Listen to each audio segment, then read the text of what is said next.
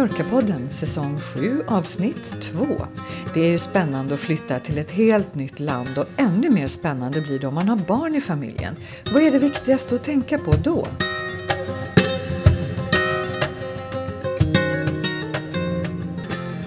Vi är så glada att vi har Mallorca Transporter som sponsor i det här avsnittet. Och är det möjligen ett namn som du inte alls känner igen så beror det på att det är helt nytt. Men de två företag som ligger bakom det här, Västerås Express och Östermalms Flytt, de är definitivt inte nya på något sätt. Välrenommerade företag som har kört transporter mellan Mallorca och Sverige i många år. Ja, de har verkligen lång erfarenhet och de kör, som, precis som du sa, regelbundna transporter med lastbil från Mallorca till Sverige och från Sverige till Mallorca. Och det här är superbra att det just är de regelbundna transporterna. Och dessutom så har de lagring på ön där man kan hyra antingen ett helt förråd eller bara en pallplats. Mm. Om du behöver eh, en transport eller en pallplats och lagring på Mallorca då så kan du gå in på mallorcatransporter.se.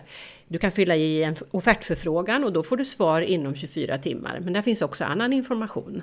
Eller så bara pratar du helt enkelt med Jim eller Henrik på din lokala supermercado. För det är så fiffigt att de här båda herrarna bor båda två på ön. Ja, de gör ju det. Och det, jag, jag, tycker det är tryggt med en svensk firma och vi är jätteglada att de är med här. Vi lägger naturligtvis ut deras kontaktuppgifter på Facebook. Så stort tack till Mallorca Transporter. Har det hänt någonting annat kul, Katarina? Mm, alltså inte för mig personligen sådär, men jag har, har en fråga till dig. Hur mycket gillar du egentligen Mallorca? Jag gillar Mallorca ungefär 63 på en 10-gradig skala. är det så mycket så att du skulle kunna låtsas att du var mallorquinska? Ja, fast jag skulle ju inte, det är inte så många som skulle tro mig, men... Eh, du har inte läst den här historien om Ilaria Baldwin? Nej. Nej. Vet du vem Alec Baldwin är? Den skådespelaren? Ja, det vet jag absolut ja, vem det, här, är. Det här är hans fru. Jaha? Ilaria Baldwin, eh, som egentligen heter Hillary Lynn Hayworth Thomas. Eller som ogift hette hon det. Hon ja. påstår att hon är född på Mallorca och eh, bodde där tills hon var 19 år innan hon flyttade till USA. I själva verket är hon född av amerikanska föräldrar i Boston. Jaha, men varför hittar hon på det här då? Vad konstigt! Ja, men därför att hon tycker, ja men du vet, det, man blir lite mer speciell. Man blir exotisk, ja. Ja, ja precis. Ja. Och så bryter hon dessutom lite på spanska när ja. hon pratar. Ibland, ibland glömmer hon bort det. Ja, okej. Okay. Vad alltså, roligt, alltså, vilken knäppskalle! Ja, ja men det har ju blivit en jättestor grej av det eftersom hon verkligen, hon är ju lite så offentlig person. Ja. Själv är hon yogainstruktör och poddare och författare men sen är hon gift med en superkändis. Ja. Och deras barn har fått så spanska namn. Nej. Ja, så nu är det här avslöjat och hon försöker då krångla sig ur det här genom att påstå att hon faktiskt aldrig har sagt att hon egentligen är spanjorska fast det finns massor av bevis på det. Jaha, och vad pinsamt! Ja, men hur trodde ja. hon att hon skulle... alltså, man kan, sådana där grejer kan man, ju inte, kan man ju inte ljuga om idag. Det går ju inte. Det går ju att ta reda på allt om folk idag. Ja, men hon, hennes föräldrar bor sedan 2011 på Mallorca mm. och hon ser det som sitt hem mer eller mindre. Mm. Och det kan jag acceptera, för det är ju många av oss som gör det.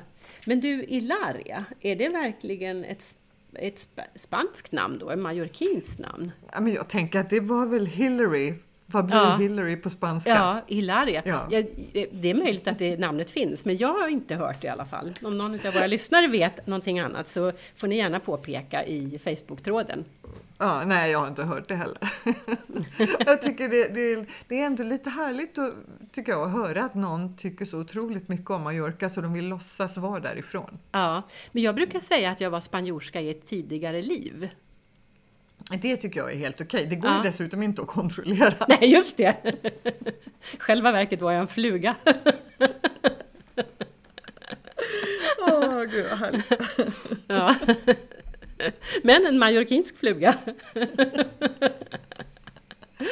Men ja. sen har jag en annan sak också som jag bara vill nämna så inte våra läsare tror att vi har helt eh, tappat stinget. Det är ju så att de nya Michelinstjärnorna delades ut för några veckor sedan och det brukar vi ju alltid uppmärksamma i podden. Ja. Men jag känner att just nu när restaurangerna är stängda så är det ju inte superläge att prata om fantastiska härliga måltider på lyxiga restauranger. Eller, eller vad säger du? Nej, jag håller helt med. Utan vi tar det när det verkligen blir möjligt att besöka dem igen. För nu är ju allting bara nedstängt. Mm. Så vi ber ja. helt enkelt att få återkomma i den frågan. Ja, det tycker jag. Ja. Mm. Men nu, det här avsnittet ska ju handla om att flytta till Mallorca med barn. Och både du och jag har ju flyttat till Mallorca i omgångar, men eh, jag har i alla fall inte flyttat eh, med barn. Och det har Nej. inte du heller, eller hur? Nej, jag, jag, när jag tänker tillbaka så känns det som att jag var ett barn första gången jag flyttade. Ja, ja så, på så sätt så, så, så, har vi ju flyttat med barn. Men, men jag, tänker, jag tänker på småbarnsåren då. Jag har ju två barn som är vuxna nu och eh, när de var små i skolåldern eh, jag funderar på om jag skulle ha vågat flytta till Mallorca då med dem. Eh, och jag eh, är lite osäker på om jag hade gjort det faktiskt. Skulle du ha vågat flytta med, när Nils var liten? Mm, ja, men det, det, skulle jag absolut ha vågat. Jag var jättesugen på det, men vi hade ju ett eget företag som vi drev här i, i Sverige så att det, det var aldrig aktuellt. Det gick helt enkelt inte. Ja, nej just det. Men jag... Eh, jag ville jättegärna det och eh, eftersom vi inte kunde det så pushade jag ju verkligen för att Nils skulle själv flytta och plugga utomlands och sådär. Men han var inte särskilt sugen på det. Nej, nej. Jag tror inte att jag hade vågat. Och, för att det, det var så viktigt under småbarnsåren med det här nätverket och eh, de andra eh, de, kompisarna och kompisarnas föräldrar och så. Det var en stor del av mitt umgänge under de åren. Så jag tror inte att jag hade vågat bryta upp och eh, kasta mig ut. Faktiskt. Nej. Jag hade nog varit eh, skräckslagen men gjort det i alla fall som jag har gjort med så mycket andra saker i mitt liv. Ja. mm.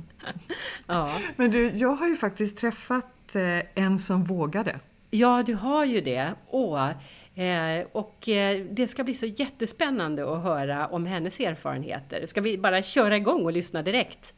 Ja, men det ska vi göra. Jag vill bara säga innan att eh, det är Eva Danielsson som jag träffar. Mm. Och eh, det kan låta lite märkligt här i början för när jag spelade in intervjun så kom ljudet på lite sent. Men, så att, eh, det är inte det att jag ville vara otrevlig utan eh, vi, vi, hade en liten trevlig introduktion först även om det inte hörs. Jaha, ja men då, bra, då vet vi. Och det här är så himla roligt för att vi bor ju båda två på Mallorca men är från Kalmar båda två. Ja men precis. Men du, hur, hur länge har du och din familj varit på Mallorca? Vi kom till Mallorca augusti eh, 2019 så ett och ett halvt år kan man säga att det har varit, har vi, har vi varit där. Ja. Och hur kom det sig att ni är där överhuvudtaget? Eh, vi bodde i Asien och kände ett sug efter att komma tillbaka till Europa. Men vi var inte jättelockade av Sverige längre. Um, och vi funderade lite på vart vi skulle kunna tänka oss att bo om vi skulle bo i Europa. Uh, och vi kände att vi ville ha ett, fortsätta ha ett trevligt, uh, lite varmare klimat. Och sen visste vi att det fanns en svensk skola på Mallorca.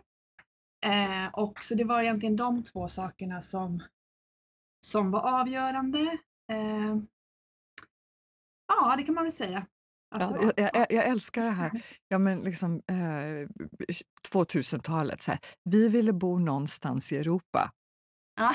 ja. Vad, vad, ska vi välja? Ja, det var faktiskt lite så. Vad, vad, vad finns det för möjligheter? Eh, och sen blev det just det här med Svenska skolan. Vi märkte i Hongkong att de tappade, började tappa lite den skriftliga svenskan. Och det, var, det är ju deras modersmål. Så att, ja. Och så var det då så att eh, ni, eh, ni siktade in er på svenska skolan. Det var aldrig tal om att gå på internationella skolan eller engelska skolan eller så?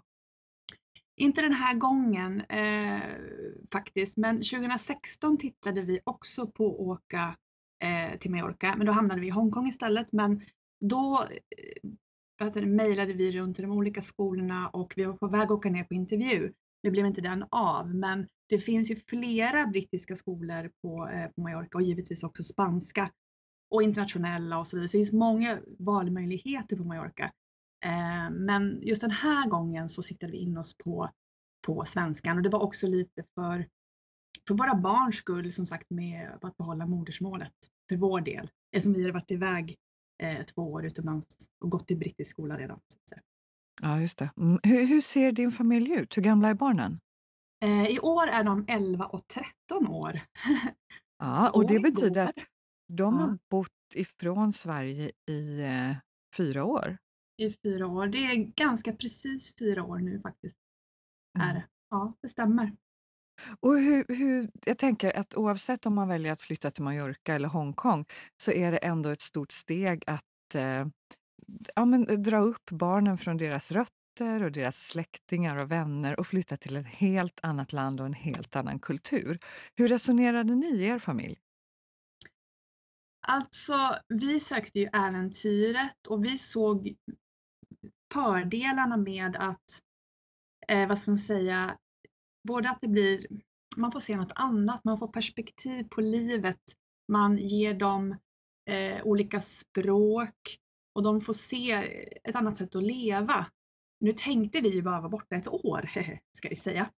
Eh, det blev lite längre minst sagt, men ehm, jag ser bara fördelar, men det är klart att vi var, alltså givetvis första, när vi, när vi skulle bestämma det här så klart att vi liksom funderade kring nackdelarna. Och det var ju det här med eh, att rycka upp dem från vännerna, framförallt vänner kände vi. Eh, men samtidigt var våra barn då knappt åtta och knappt tio. Ehm, så de var ju, vad ska man säga då, en ganska väldigt bra ålder att flytta. För då hade de liksom inte, de var inte jättesmå men de var inte de här tonåringarna som hade byggt upp sina vad ska man säga, vänskapsband på ett kanske djupare plan, eller hur man ska uttrycka sig. Mm. Ja, men jag förstår vad du menar och, och tonåringar kan ju vara svårare att hantera på många olika sätt. Absolut, och man behöver respektera liksom lite mer vad de vill på ett helt annat sätt än när de är mindre. Mm. Jag. Så, så vad tyckte de? Vad, vad, vad sa de när ni presenterade den här idén? Eh, med Mallorca menar du? Ja, att flytta utomlands överhuvudtaget först och främst. Um, ja, de, de undrar ju lite varför då?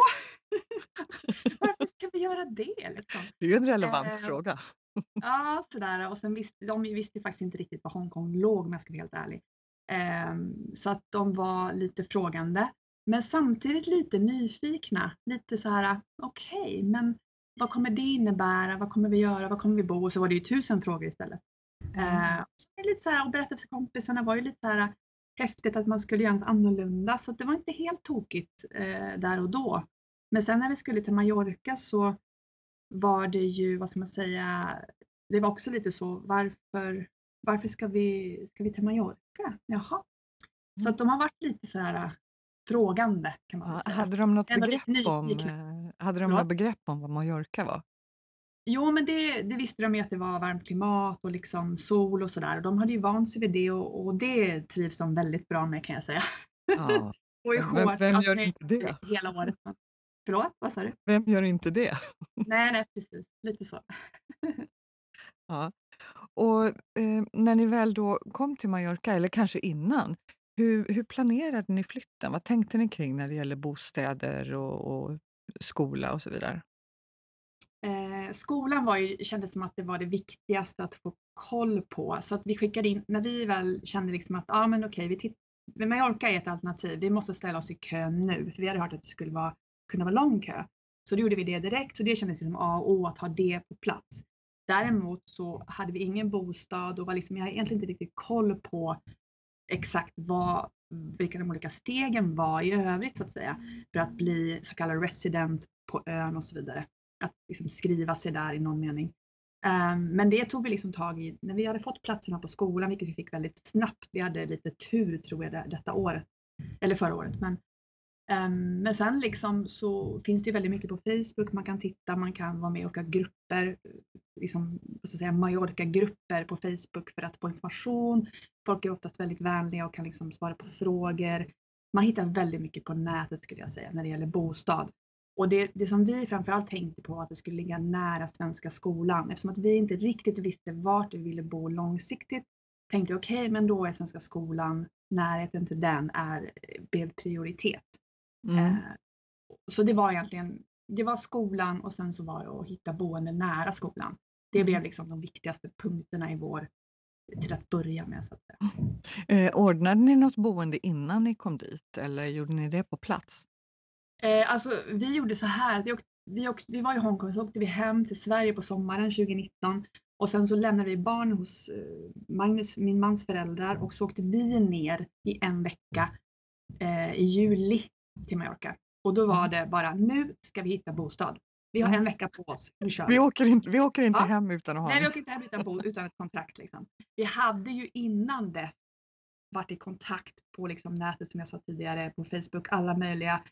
Vi bara körde järnet med alla olika ingångar vi kunde hitta.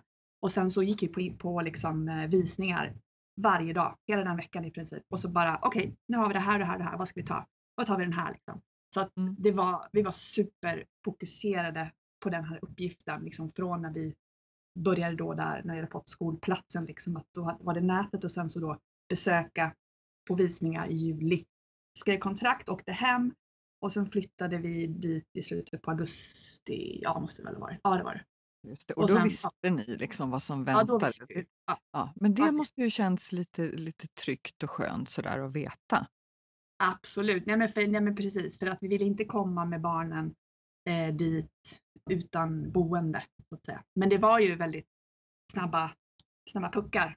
För vi mm. bestämde att vi skulle flytta dit i april när vi fick platserna på skolan. Så vi hade, men men liksom när man är målinriktad och har liksom ett tydligt, det här måste vi göra. Det blir väldigt, man blir väldigt fokuserad och ska lösa uppgiften. Mm, och jag tror inte att ni är ensamma i den situationen utan ofta är det ju väldigt snabba puckar. Absolut. Ja, man, för man vet ju inte alltid skolplatsen. Det beror ju liksom, det är klart att är det, är det inte någon kö eller liksom, det är inte så många just i den års, årskullen just det året så kan man ju ha tur att man får veta tidigare. Men, men absolut, det är inget, absolut inget konstigt i att det är så sent. Absolut inte. Nej, och rätt så ofta så dyker det upp möjligheter i livet som det gäller att ta tag i just då, för de kommer aldrig tillbaka. Ja, exakt så vi tänkte bara, okej, okay, nu fick vi plats ja men då testar vi då. Det, det får bära eller brista. Vi, vi har ju sagt att vi vill kanske bo på Mallorca och nu får vi chans, då måste vi pröva liksom. Ja men precis. Nu är det inte bara drömmar, nu är det verklighet. Ja men exakt, nu har vi chansen. För det, för det känns ju som skolan liksom kändes ju, vi måste ha skolplats. Det är liksom mm. i, när man har barn i de här åldrarna. Mm. Och eh, när det gäller boende, då skrev ni ett, eh, då hyr ni på långtid? Ja precis, vi, jag tror vi var tvungna att skriva ett år eller vad var det? Ja, men, ja ungefär ett år i alla fall, liksom minimum sådär. Mm. Eh, ja. Så, så gjorde vi. Och hur tycker du att det fungerar nu när ni, när ni bor på Mallorca? Nej, men jag tycker det fungerar bra. Alltså, liksom, man har skolan som en trygg punkt för barnen och man har skaffat vänner via skolan.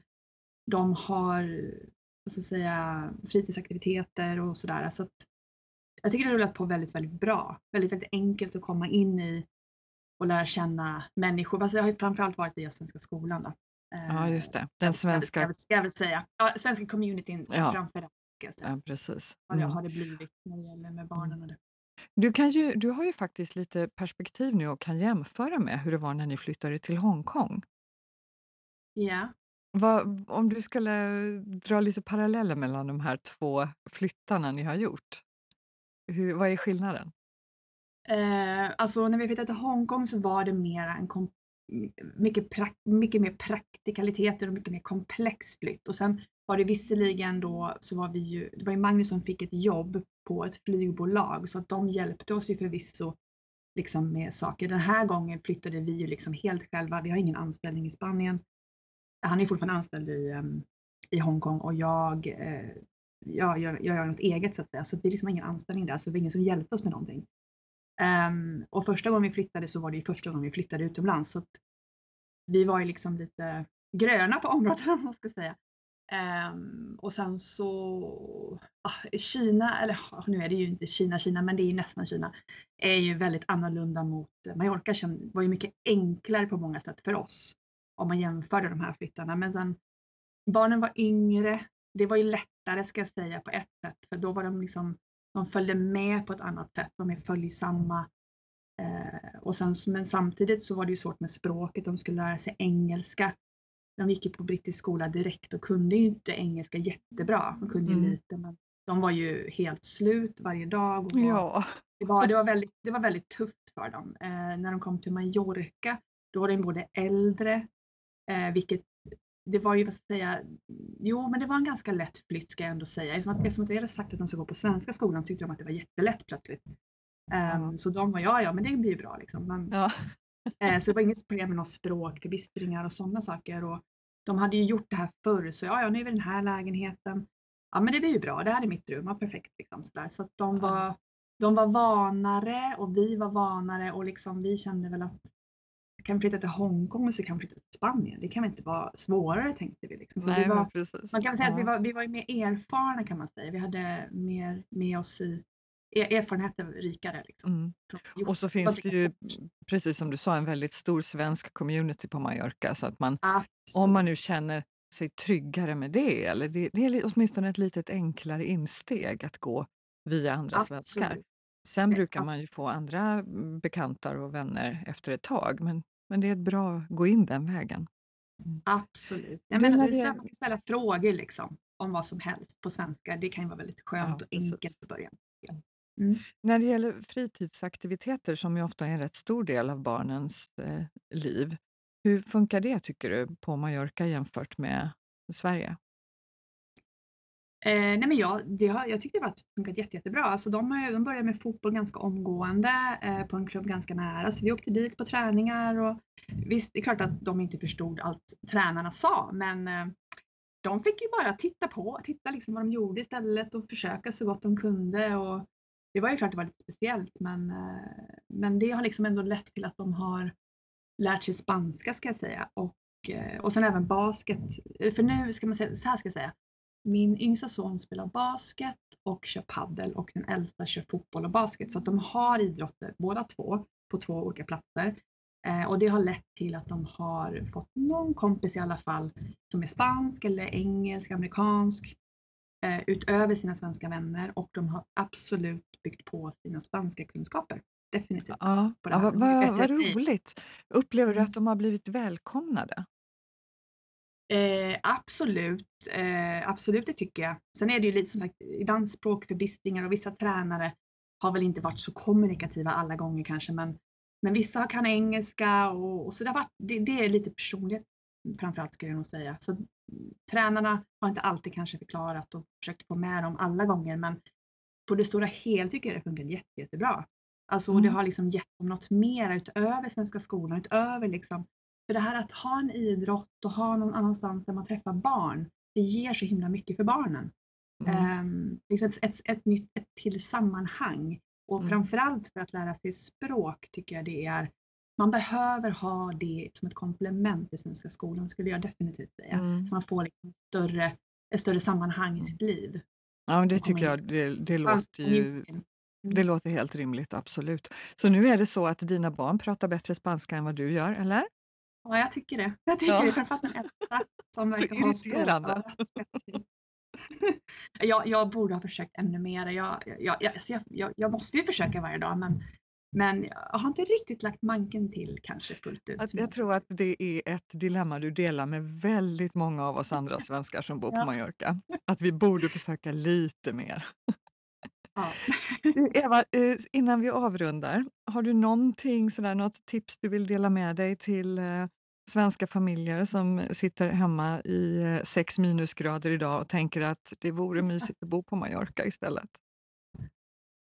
Jag skulle säga att om man ens funderar på det så tycker alltså jag tycker inte man ska vara så rädd att pröva något nytt och våga. Eh, bo, för man behöver inte bo, det behöver liksom inte vara för evigt. Man kan bo ett tag och barnen klarar mer än man tror. Och framförallt Eh, där när det gäller språk också så är de väldigt duktiga på att lära sig språk oftast. då. Eh, ju yngre de är desto bättre. Som jag sa, mina killar lärde sig engelska. På ett halvår så var de liksom jätte, jätteduktiga. Så att, och detsamma gäller ju så på spanska. Eh, så var inte rädda att flytta till Mallorca och var inte rädda att sätta dem på en spansk skola eller internationell skola och lära sig engelska. Det finns bara möjligheter och eh, våga pröva, våga göra annorlunda. Gör inte som alla andra hela tiden. Testa! Gud, vad härligt! Men då, det är perfekta ord att avsluta med. Tusen tack för att du eh, ville vara med oss här i Mallorca-podden, Eva. Ja, det var jättekul att jag fick frågan. Tack så jättemycket!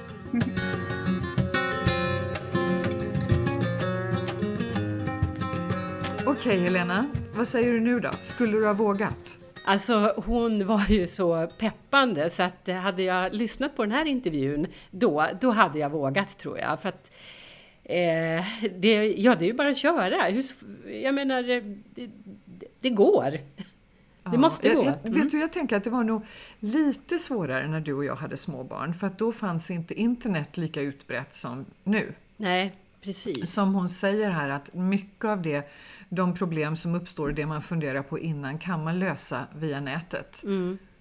Precis, och det är så enkelt att ta reda på saker idag och, eh, och, och jag menar mejla folk och ringa folk och sådär. Det var ju lite mer eh, omständigt på slutet på 80-talet och början på 90-talet när mina barn var små. Mm, nej men det, så är det ju. Och hon säger dels alla bra hemsidor som finns och sen tar hon ju upp de här fantastiska Facebook-sidorna som vi också haft ett helt avsnitt om. Ja, ja men de är ju så himla bra. Alltså det är en källa till outsinlig eh, information om de mest märkliga saker. Ja, verkligen.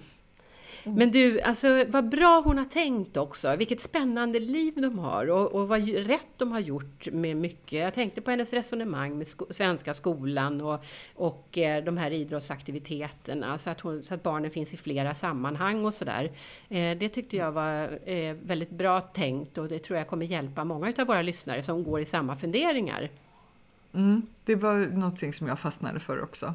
Mm. Och sen det här underbara liksom, att ibland så måste man bara blunda och hoppa. Ja. ja Håll i sån härlig, hårt. Det är sån härlig inställning.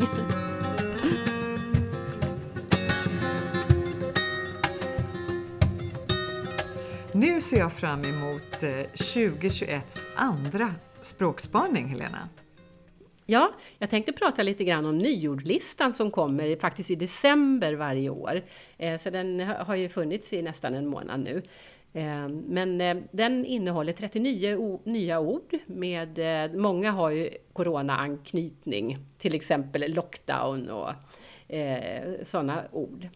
Men det finns ett ord som jag, tänk, som jag tycker hänger ihop med Mallorca och det är inte något jätteroligt ord direkt men Eh, och, och, eh, det nya ordet underturism, har du hört det?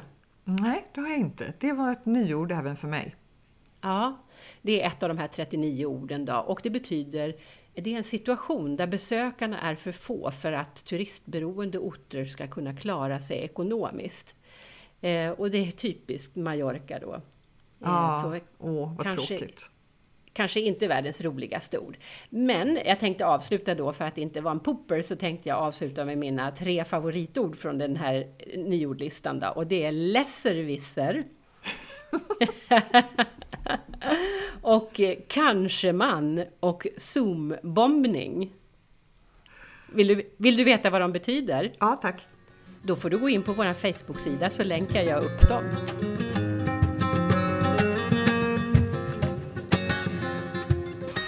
Men du, jag tänker på det här med skolor då. Alltså om jag tittar på eh, i Sverige, mm. så nu har det ju, tack vare friskolorna så finns det ju en del eh, internationella skolor även i mindre städer. Mm. Men annars så var det ju bara Stockholm och möjligen Göteborg och Malmö som hade franska, tyska, engelska skolor och sådär. Mm. Eh, men i Palma så är ju utbudet fantastiskt enormt. Ja, och eh, de är inte bara eh, i Palma utan det finns även på andra ställen på ön. Men mest på den södra och mest runt Palmabukten naturligtvis. Men jag kollade upp, det finns en webbplats som listar alla de internationella skolorna eh, på Mallorca och det är 16 stycken. Ja, det är helt otroligt. Ja, det är franska och det är tyska och det är engelska och sen har Rafael Nadal har en skola, en friskola i Monaco. Jag tror den kallas för amerikanska skolan. Ja, jag tror det också, men jag är lite osäker. Men i alla fall språket är i alla fall engelska där, har jag för mig. Mm. Men eh, vi lägger ut eh, den här länken till den här listan på, till de 16 skolorna på vår Facebook-sida så kan man gå dit själv och kolla. För det var, eh, det var verkligen spännande att se hur många olika det fanns. Mm, och inte bara olika nationaliteter utan olika inriktningar och olika specialpedagogiker och så. Ja, mm. ja. Men du, det är inte helt gratis det här?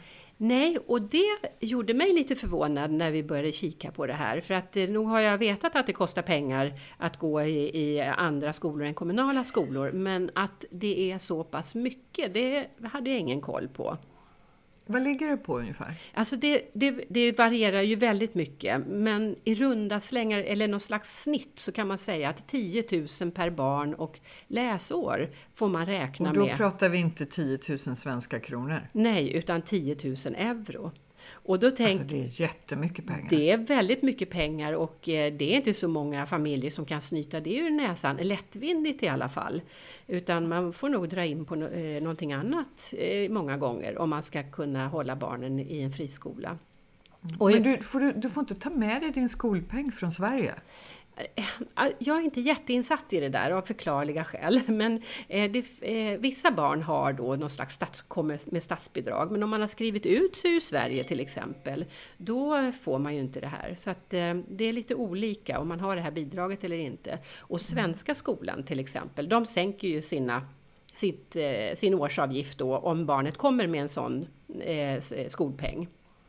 Just det. Och vad jag förstod så är det också olika beroende på vilken kommun du kommer från. Alltså kommunerna i Sverige ja. resonerar olika huruvida du ska få ta med dig din skolpeng utomlands eller inte. Ja, okej, okay. så det är så mm. det funkar. Ja. Mm. Men eh, om man tycker att det är för mycket pengar då? Jag menar, jag tänker bara så här, men tänk om man har tre barn eller fyra? Det är, det, är, det är liksom det är 400 000 kronor om året. Det här är ju liksom inte det här är ju...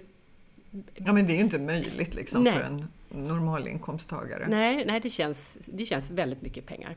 Eh, men då har vi de kommunala skolorna i, eh, på Mallorca och eh, där kan man då eh, söka, ansöka om att få sätta sitt barn. Och vad jag har fattat så är det gratis, men i, på vissa ställen får man tydligen betala skolböckerna. Och, det är lite... det. och jag kan tänka mig att du får betala lite mat också beroende på vad det är för mat som erbjuds. Ja just det, det har jag hört också. Mm. Och sen så är det då om man vill ha barnomsorg efter, alltså tillsyn efter skoltiden, då kostar ju det. det. Mm. Eventuell skoluniform kostar ju också förstås. Ja just det. Ja. Mm. Och de är så, så söta. det tillkommer ju en hel del kostnader även där men det är ju absolut inga hundratusen kronor per år. Nej, och är man då intresserad av att sätta sina barn i en kommunal skola, då ska man ta kontakt med Ayuntamienton, alltså stadshuset. Och man behöver lite dokumentation när man då söker en plats hos sina barn. Man ska ha, barnen ska ha legitimation och de, man ska vara residente och då ska man ha någon slags bevis på det, någon sån här kort eller eh, papper i alla fall. Och eh, medical certificate, jag gissar att det är vaccinationsintyg och sånt. Mm. Och så då nio nummer för föräldrarna och ID. Så då kvistar man iväg till Ayuntamienton och eh, ansöker om plats för sina barn i spansk skola. Mm. Och sen finns det ju, jag tänker förutom de eh, kommunala skolorna och de internationella skolorna så finns det ju en mängd spanska privatskolor. Ja, just det. Har du koll på några? Jag tänker på att det finns, bara runt där vi bor så finns det ju väldigt många som eh, har någon religiös inriktning. Ofta så drivs de av ett kloster eller har ah. någon nära connection till skolan, eh, kyrkan som ligger intill. Ja, just det. Mm. Ja, så den varianten finns också.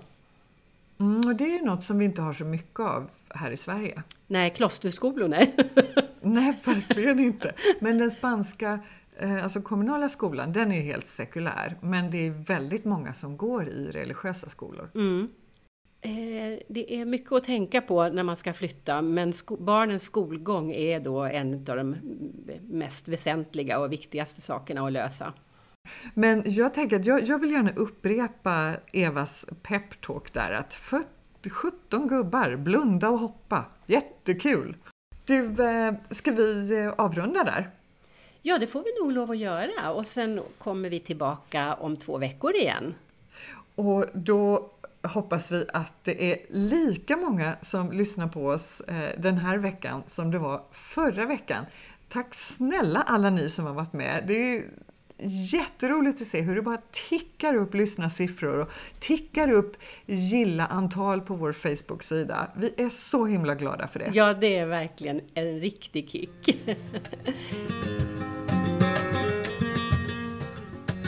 Du har lyssnat på Mallorca-podden.